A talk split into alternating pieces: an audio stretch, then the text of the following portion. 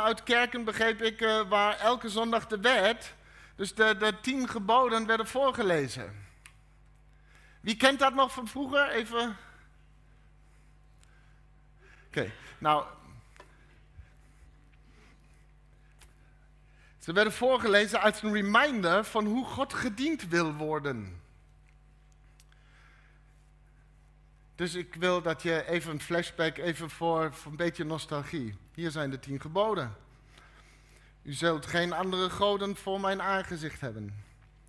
U zult voor uzelf geen afgodsbeelden maken, noch die dienen. U zult de naam van de eeuwige uw God niet ijdel gebruiken. Gedenk de Sabbatdag, dat u die heiligt. Eert uw vader en uw moeder. U zult niet doodslaan. U zult niet echt breken. U zult ja, niet stelen. U zult geen vals getuigenis spreken tegen uw naaste. U zult niet begeren wat van uw naaste is. De wet. En Jezus ging dus in debat met wetgeleerden over deze wet. En zij wisten er dan ook echt alles van, deze wetgeleerden. Zij waren, dit waren uh, echte experts. Dit waren echte experts in de wet. Dus Jezus ging het debat aan met experts. En velen van jullie zijn ook het debat aangegaan met de wet en hun experts. Zo worstelde je misschien vaker met het strenge en wettische geloof van jouw ouders. Want, ergens heb je gemerkt dat je het geloof inmiddels echt anders beleeft. Misschien heb je het vaarwel gezegd en het geloof van je ouders, de kerk van je ouders, dit oude verhaal. dit geloof met regels en wetten en beperkingen en geen keuzes. Dus afscheid genomen. En vervolgens besloot jij misschien dat, dat jouw kinderen straks wel vrijheid krijgen in hun denken en, en geloof. En, en dat ze keuzes hebben.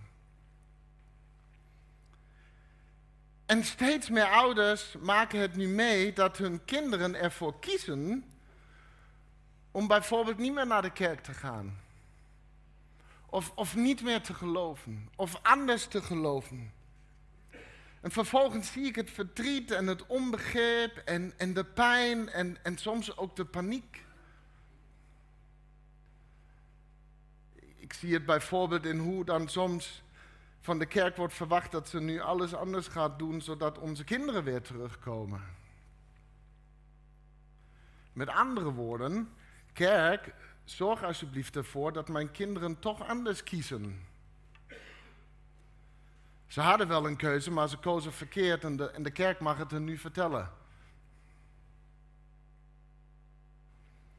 En dus hadden ze eigenlijk geen keuze.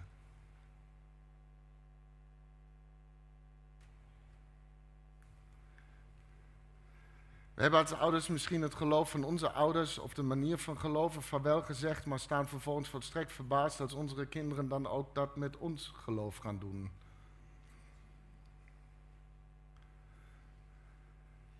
Want dat was toch wel goed zo? Wel de juiste manier en de weg en de waarheid en het leven en al die andere dingen. En weet je wat, dat dachten jouw ouders dus ook over hun geloof. Maar zoals de Circle of Life het soms wil, werd je vanzelf de expert van jouw geloof.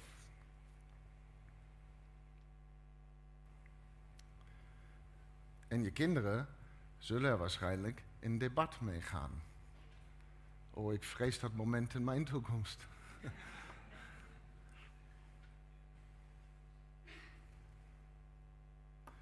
Even een kanttekening.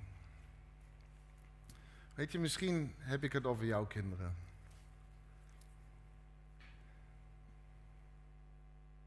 En dat is makkelijk gezegd, maar ik daag je toch uit. Vertrouw er maar gewoon op. Dat God ook met hen zijn weg zal gaan. Hun geloofsreis houdt niet op alleen omdat ze niet meer onze route volgen. Maar misschien is juist het stoppen met volgen van jouw weg het begin van hun weg. Vertrouw me op. Maar goed, dus Jezus ging in debat met een geloof dat zich in de loop van de tijd settelde in een bepaalde vorm en manier van, van doen en, en denken. En ze waren ervan overtuigd dat het de enige ware manier was. Dus wat we moeten zien is dat er altijd bepaalde fasen zijn, hè? stappen, periodes of deze ontwikkelingsstadia die, die, die voortkomen uit het voorafgaande. En in deze korte tekst die we gelezen zien we dat best goed. Zij komen dus bij Jezus met dit oude verhaal en vragen Jezus wat het belangrijkste is in dit oude verhaal. En Jezus pakt dus de puzzelstukjes uit dit oude verhaal en creëert als het ware een, een nieuw beeld.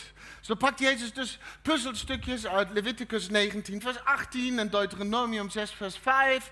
En hij zegt, heb de Heer uw God lief met heel uw hart en heel uw ziel en met heel uw verstand. Was allemaal niet nieuw, maar het zijn stukjes vanuit dat oude verhaal. Dat is het grootste en eerste gebod. Het tweede daaraan is gelijk, heb u naast lief als uzelf. En wat Jezus hier doet is zo bijzonder. Want hij formuleert niet gebod 11 en 12. Hij gooit ook niet het gebod weg of de tien geboden. Maar hij vat als het ware de tien geboden samen. Hij vat ze samen. Jezus zegt het gaat om je relatie met God. En het gaat om je relatie met je naaste. En weet je wat? De eerste vier geboden van de tien geboden gaan over God liefhebben. Dus je relatie met hem. En de laatste zes gaan over je naaste liefhebben. Want alles is relationeel. In, in, in, in de bergreden zegt Jezus vervolgens dingen zoals dit, hè, Matthäus 5, vers 17. Denk niet dat ik, ben, dat ik gekomen ben om de wet of de profeten af te schaffen. Ik ben niet gekomen om ze af te schaffen, maar om ze tot vervulling te brengen. Dus vervulling, dat, dat, dat zeggen wij graag en denken eigenlijk afschaffen. Maar wat Jezus heel duidelijk zegt, het gaat niet over afschaffen, maar om vervulling. Dus er zijn er nog, maar er is iets anders mee gebeurd dan afgeschaft. Snap je? Het is een tekst die we graag gebruiken om de, de, de wet aan de kant te schuiven, wet weg en dit is het nu. Maar Jezus zegt hier, het is vervuld. Het is helemaal tot volheid gekomen. Waar gemaakt. Met, met God liefhebben en je naast jezelf leef je de volheid van de gehele wet. Iets wat altijd zo onbereikbaar leek, maakt Jezus dus hier op dat moment een realiteit. Jezus zegt dus als het ware dat er een nieuwe fase is aangebroken die nu voortkomt uit het voorafgaande. Dus niet afschaffen, maar helemaal vol ervan. En dan verder. Een nieuwe fase. Dat zien we ook heel duidelijk op een ander moment. Uh, in Lucas 6, vanaf vers 12, lezen we het volgende.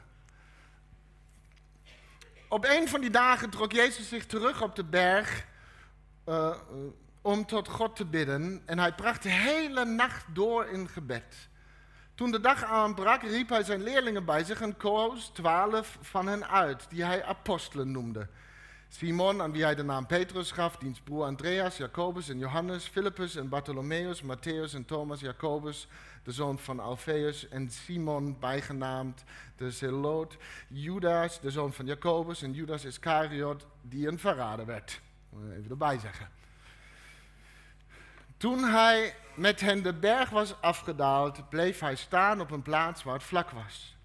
Daar had een groot aantal van zijn leerlingen zich verzameld, evenals een menigte mensen uit heel Judea en Jeruzalem en uit de kuststreek van Tyrus en Sidon. Ze waren gekomen om naar hem te luisteren.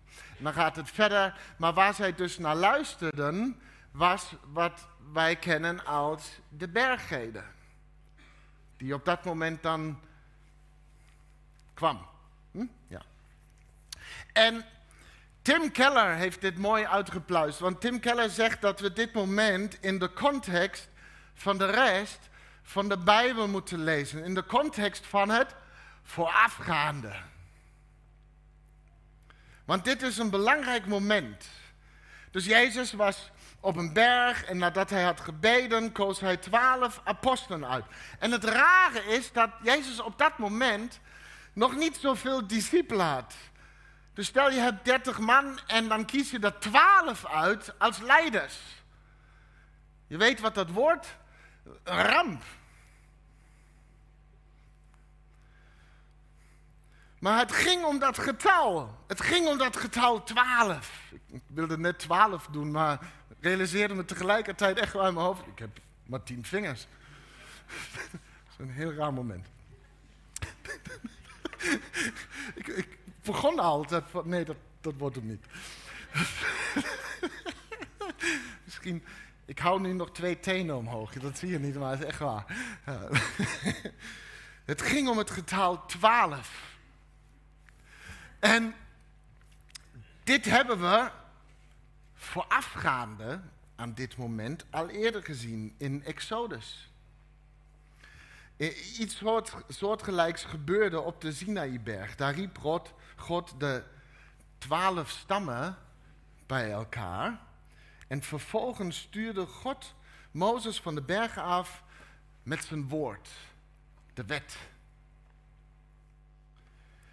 En een fundamentele, fundamentele vraag die we ons moeten stellen is, wat de reden was dat het woord of de wet van God naar beneden kwam van de Sinaïberg. En een veel voorkomend antwoord is dat ze de wet van God kregen om te kunnen ontdekken wie God is en hoe ze gered zullen worden. Je gehoorzaamt het woord, de wet van God en dan krijg je eeuwig leven, dan ga je naar de hemel enzovoort. Maar als je Exodus leest, luister goed, dan klopt dat historisch gezien gewoon niet. Want God geeft hen niet eerst de wet en redt Israël dan uit de slavernij. Nee, hij redt hen uit de slavernij en geeft hen daarna de wet. Dus de wet, luister goed, in het Oude Testament en ook in het Nieuwe Testament is daarom logisch gezien niet hetgeen waardoor je gered of vergeven zult worden.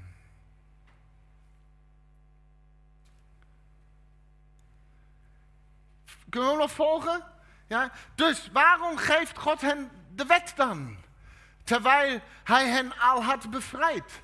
Het antwoord vinden we dus in het voorafgaande. In Exodus, in wat God zegt. En hij zegt namelijk, ik zal jullie tot een volk maken. Ik zal jullie tot een nieuwe gemeenschap, een nieuwe schepping van mensen maken. Een nieuwe fase.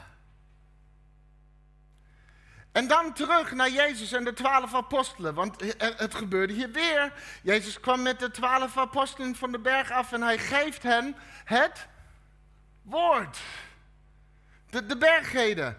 Maar de bergheden is niet weer een nieuw handboek met ethische morele adviezen en voorschriften. Maar wat Jezus dus zegt is, ik ben hier om de volgende fase te voltooien van de nieuwe schepping. Dit is de volgende fase in, in Gods herstel van de mensheid. En ik ben aanwezig met kracht om deze nieuwe schepping mogelijk te maken. Dus Gods handelen met in en onder de mensen is continu in beweging, in ontwikkeling, fase na fase na fase. Of ons voorbeeld met je kinderen, generatie na generatie na generatie, reis na reis na reis. En het komt altijd voort uit het voorafgaande. En Ik hoop dat we dit snappen. Tuurlijk komt alles uh, na iets wat ervoor was.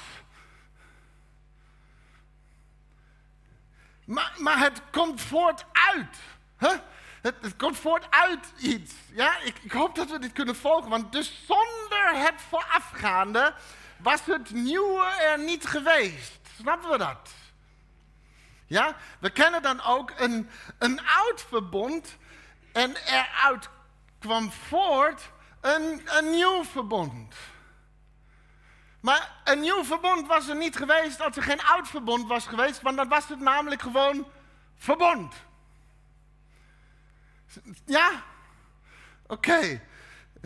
En in het Latijn betekent nieuw verbond novum testamentum en vandaag vertalen we dat dus met nieuw testament.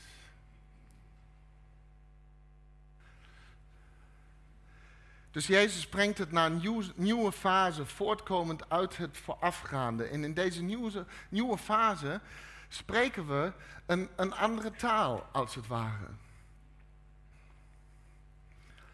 De wet is niet meer ons woordenboek, maar, maar de liefde is. En terwijl we, terwijl we ons het voorafgaande woordenboek nog steeds herinneren en respecteren want het begon er allemaal daar.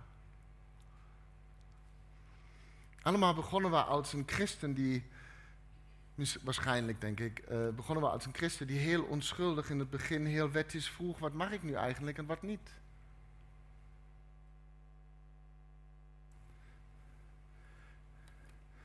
Maar ergens zijn we de wet te boven gegroeid. Maar nemen we in deze nieuwe fase wel mee wat ons voor is gegaan. Richard Rohr zegt dat als je de dingen van het voorafgaande niet kunt integreren in je bestaan,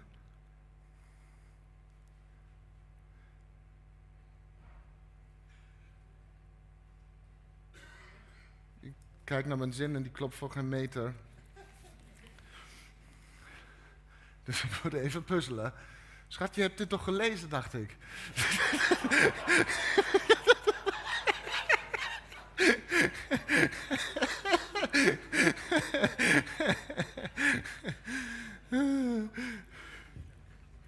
Moet daarbij zeggen dat ik daarna zelf ook nog een beetje over doorheen gegaan. Maar Richard Rohr zegt dus, als je het voorafgaande niet kunt integreren in je huidige bestaan, dan is te betwijfelen of je, bent ooit, of je ooit bent overgegaan naar het volgende.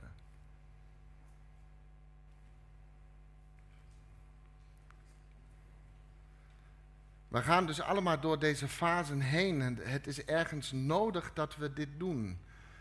Weet je, in de bergreden horen we Jezus uh, zes keer zeggen, de wet zegt, maar ik zeg jullie. ook hier schuift Jezus dus de wet niet aan de kant, maar hij gaat er verder mee. Hij, hij gebruikt als het ware deze uiterlijke autoriteit van regels om ons op pad te sturen richting onze innerlijke autoriteit. Dus misschien kom je uit wettische achtergronden en beschouw je de afkomst, je afkomst allemaal als verspilling en, en verkeerd. Maar, maar het is onderdeel van je reis geweest om te worden wie je nu bent.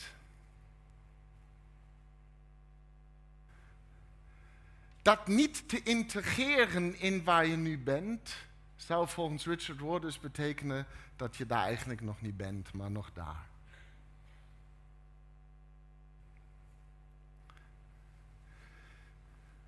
Onderdeel van die reis. En dat is precies trouwens wat Paulus doet in Romeinen en in Galaten.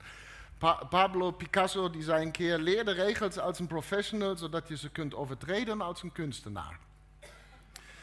Uh, en dat is wat Paulus doet. Dat, is eigenlijk de hele samenvatting van Romeinen.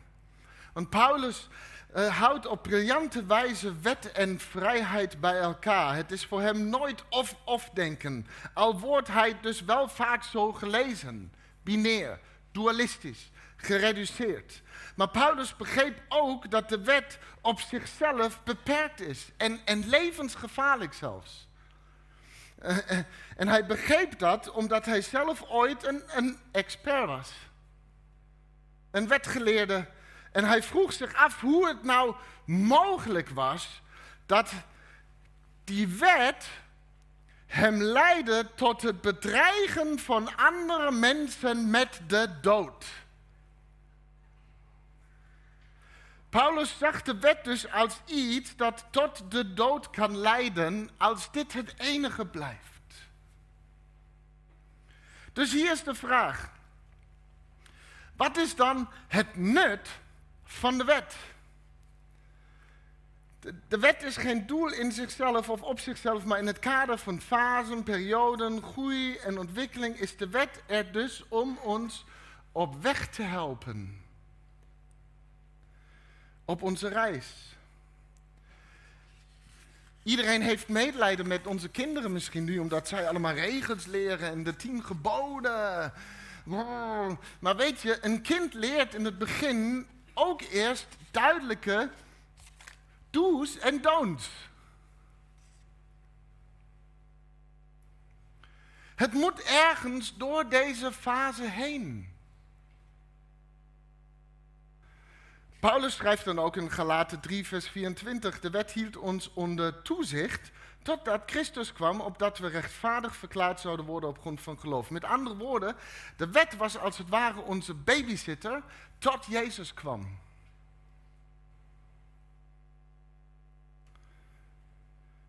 Waar is de wet dus voor? Het is niet om God van je te laten houden.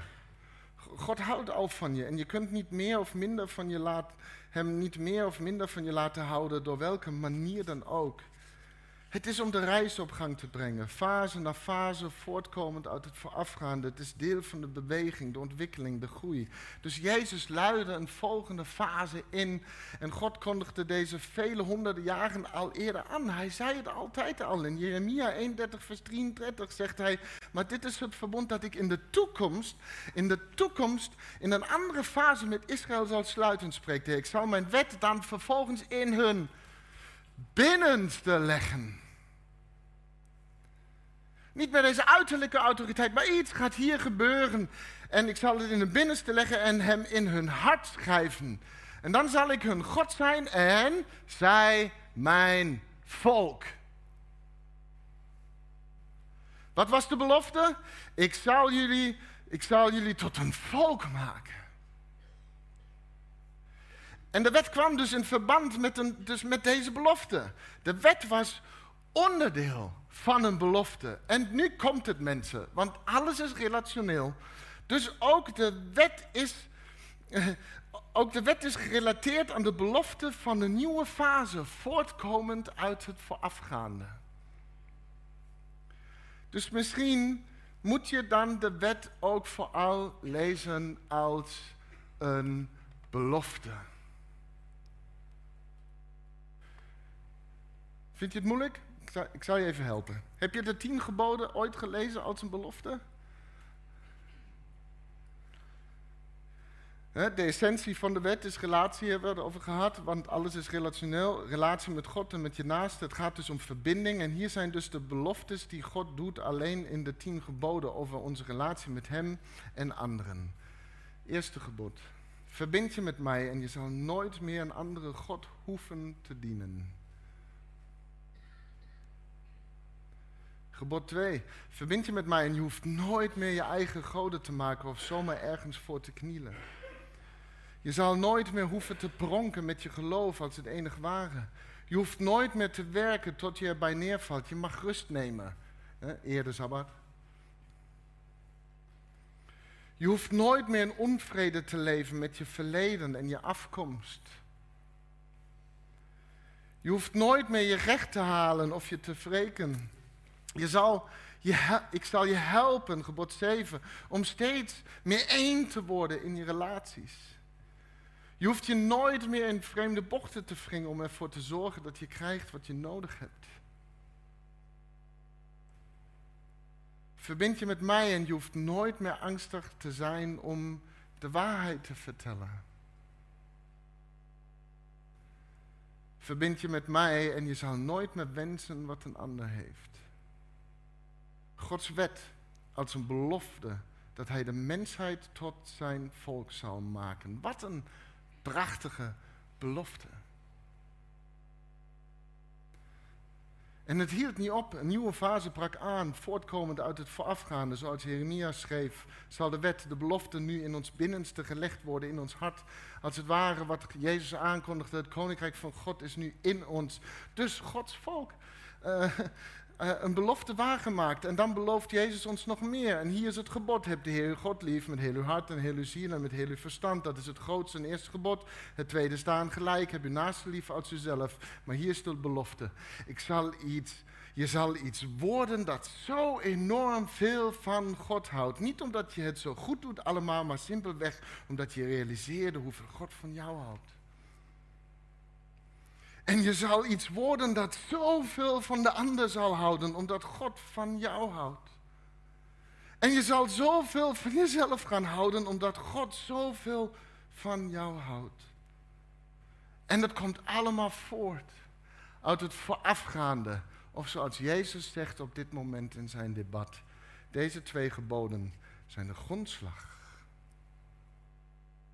van alles wat in de wet en de profeten staat. Dus elke fase kent de belofte van de volgende fase. En stap voor stap koersen we erop af, omdat hij het heeft beloofd. En dan was er zijn geest om het werk en de belofte van Jezus voor te zetten. En steeds meer worden we ons er zo bewust van dat alles in en door en voor hem bestaat. Relationeel, de wet, de belofte in ons binnenste gelegd, liefde in alles leidend. En misschien wist je dat niet. Maar de bergreden staat vol met geboden als je ervoor kiest om het alleen maar zo gereduceerd te lezen. Maar lees het even als een belofte en dan staan er dingen zoals dat je licht zou schijnen voor de mensen, dat beloof ik je. Je, je zou iemand worden die snel vergeeft. Je zal de kracht krijgen om het kwaad je andere wang te keren en je er niet door te laten intimideren. Ik beloof het je, je zal de moed en, en onuitputtelijke liefde hebben om van je vijanden te houden. En ik beloof je, je zal volmaakt worden zoals je Vader in de hemel volmaakt is. Dus Jezus zegt, dit is waar de reis heen gaat. Dat beloof ik je en ik breng je er wel en ik zal je voorgaan, volg mij maar. Volg mij maar. En laat me afsluiten met dit. Want ik heb nog één minuut. En ik heb hierbij staan, eventueel skippen afhankelijk van tijd.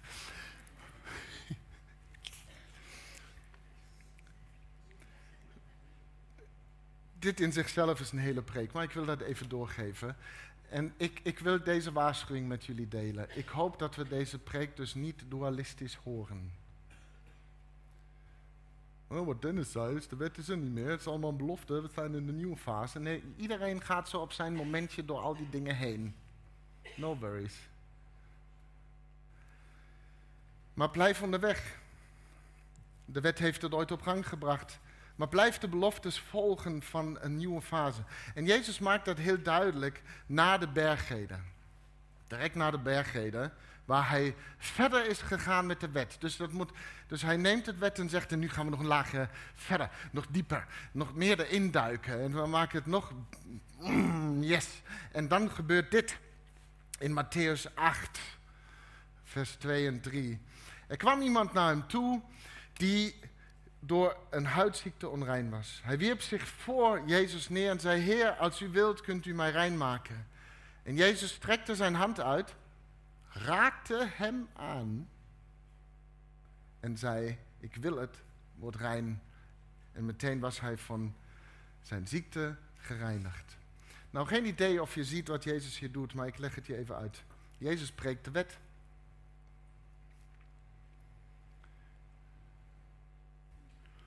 Je mocht van de wet niemand aanraken die onrein was. Maar wat gebeurt hier? Mooi voorbeeld gehoord ooit eh, van volgens mij Steve Furk, die zei van, stel je bent op een speeltuintje en je kind uh, stoot zijn hoofd en bloed en eruit en Je, je, je pakt je kind huilen en in de auto gooien en je gaat op pad naar het ziekenhuis, naar de spoedeisende hulp. En onderweg zie je allemaal van die rare borden met getalletjes erop.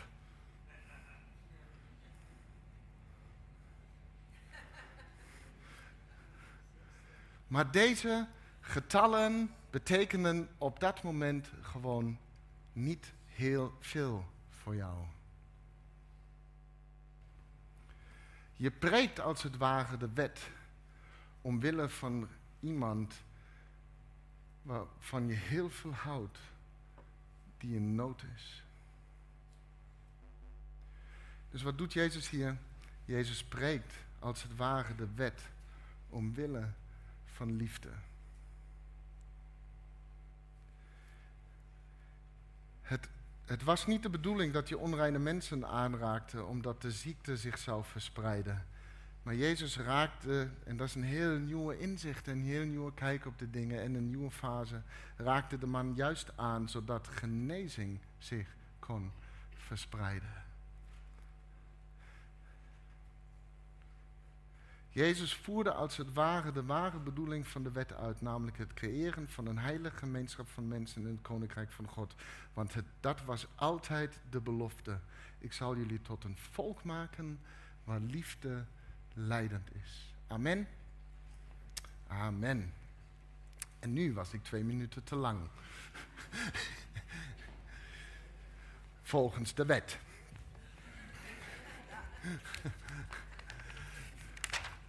Wij gaan met elkaar een lied zingen. En zing dit lied in het kader van wat ik ons net heb verteld. In het kader van de reis die we aan het maken zijn. Iedereen onderweg. En iedereen zit op een andere, misschien ander moment in de fase. Sommigen zijn ook weer teruggegaan naar, omdat het toch de wereld te complex is. En dan vluchten we weer naar regels en, en wat dan ook. En dat helpt ook even maar iedereen zit op een andere plek in die reis. En misschien het feit dat het reet moeilijk, omdat zoveel even verdwijnt en nieuwe dingen erbij komen en nog niet helemaal van jou zijn. Hou vol. Hou vol.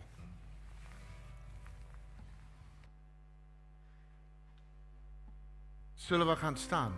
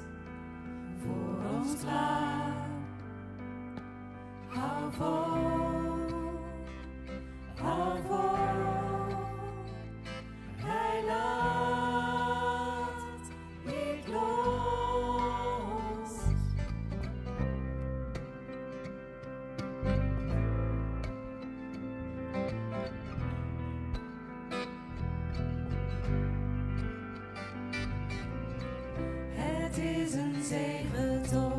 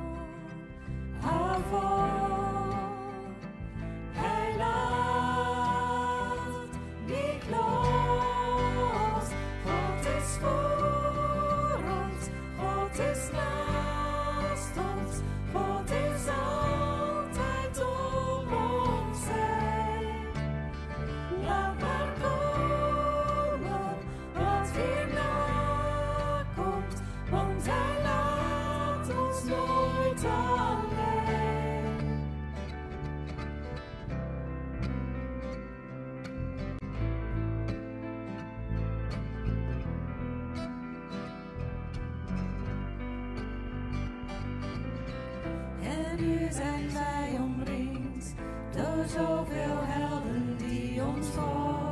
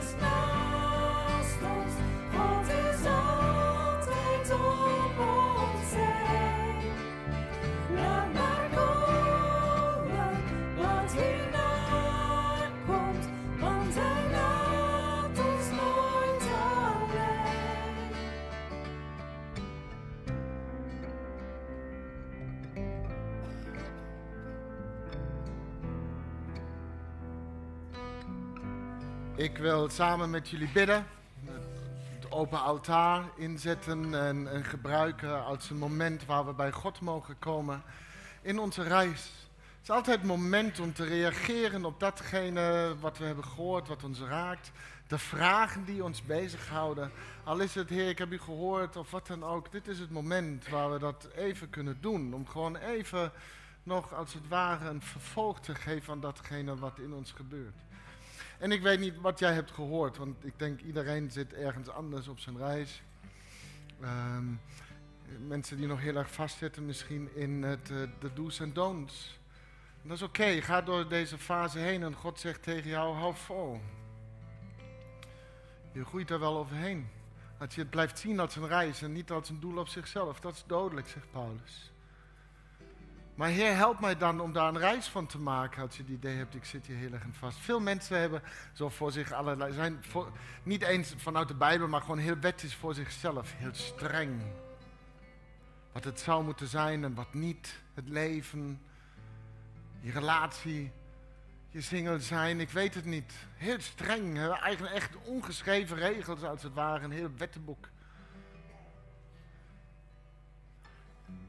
Andere mensen die zeggen, ja, en, eh, nee, we moeten überhaupt niks en we, moeten alleen maar lief hebben. Moet je nog steeds iets? Het is misschien vaak zo'n overgangsfase waar je tegenovergestelde van de wet tot nieuwe regel hebt gemaakt. Hm. Misschien zit je heel erg te zweven en het zijn ook van die breken misschien waar we heel veel deconstructen en op een andere manier weer in elkaar zetten. En maar heb je een God nodig die zegt, hou vol. Hou vol. En misschien zit je hier omdat jouw kinderen jouw route niet meer volgen. Heb je zorgen en vragen, paniek. Misschien zijn je kinderen dan nog niet aan toe. Komt dat nog? Maar wil je alvast hun opdragen aan God en zeggen van Heer, dat zijn hun eigen mensjes met hun eigen reis. En waar ik het kan en mag en de burgerlijke wetten toelaten, zal ik hun vrijlaten en loslaten. En de ruimte geven, wat dat dan ook betekent voor hen.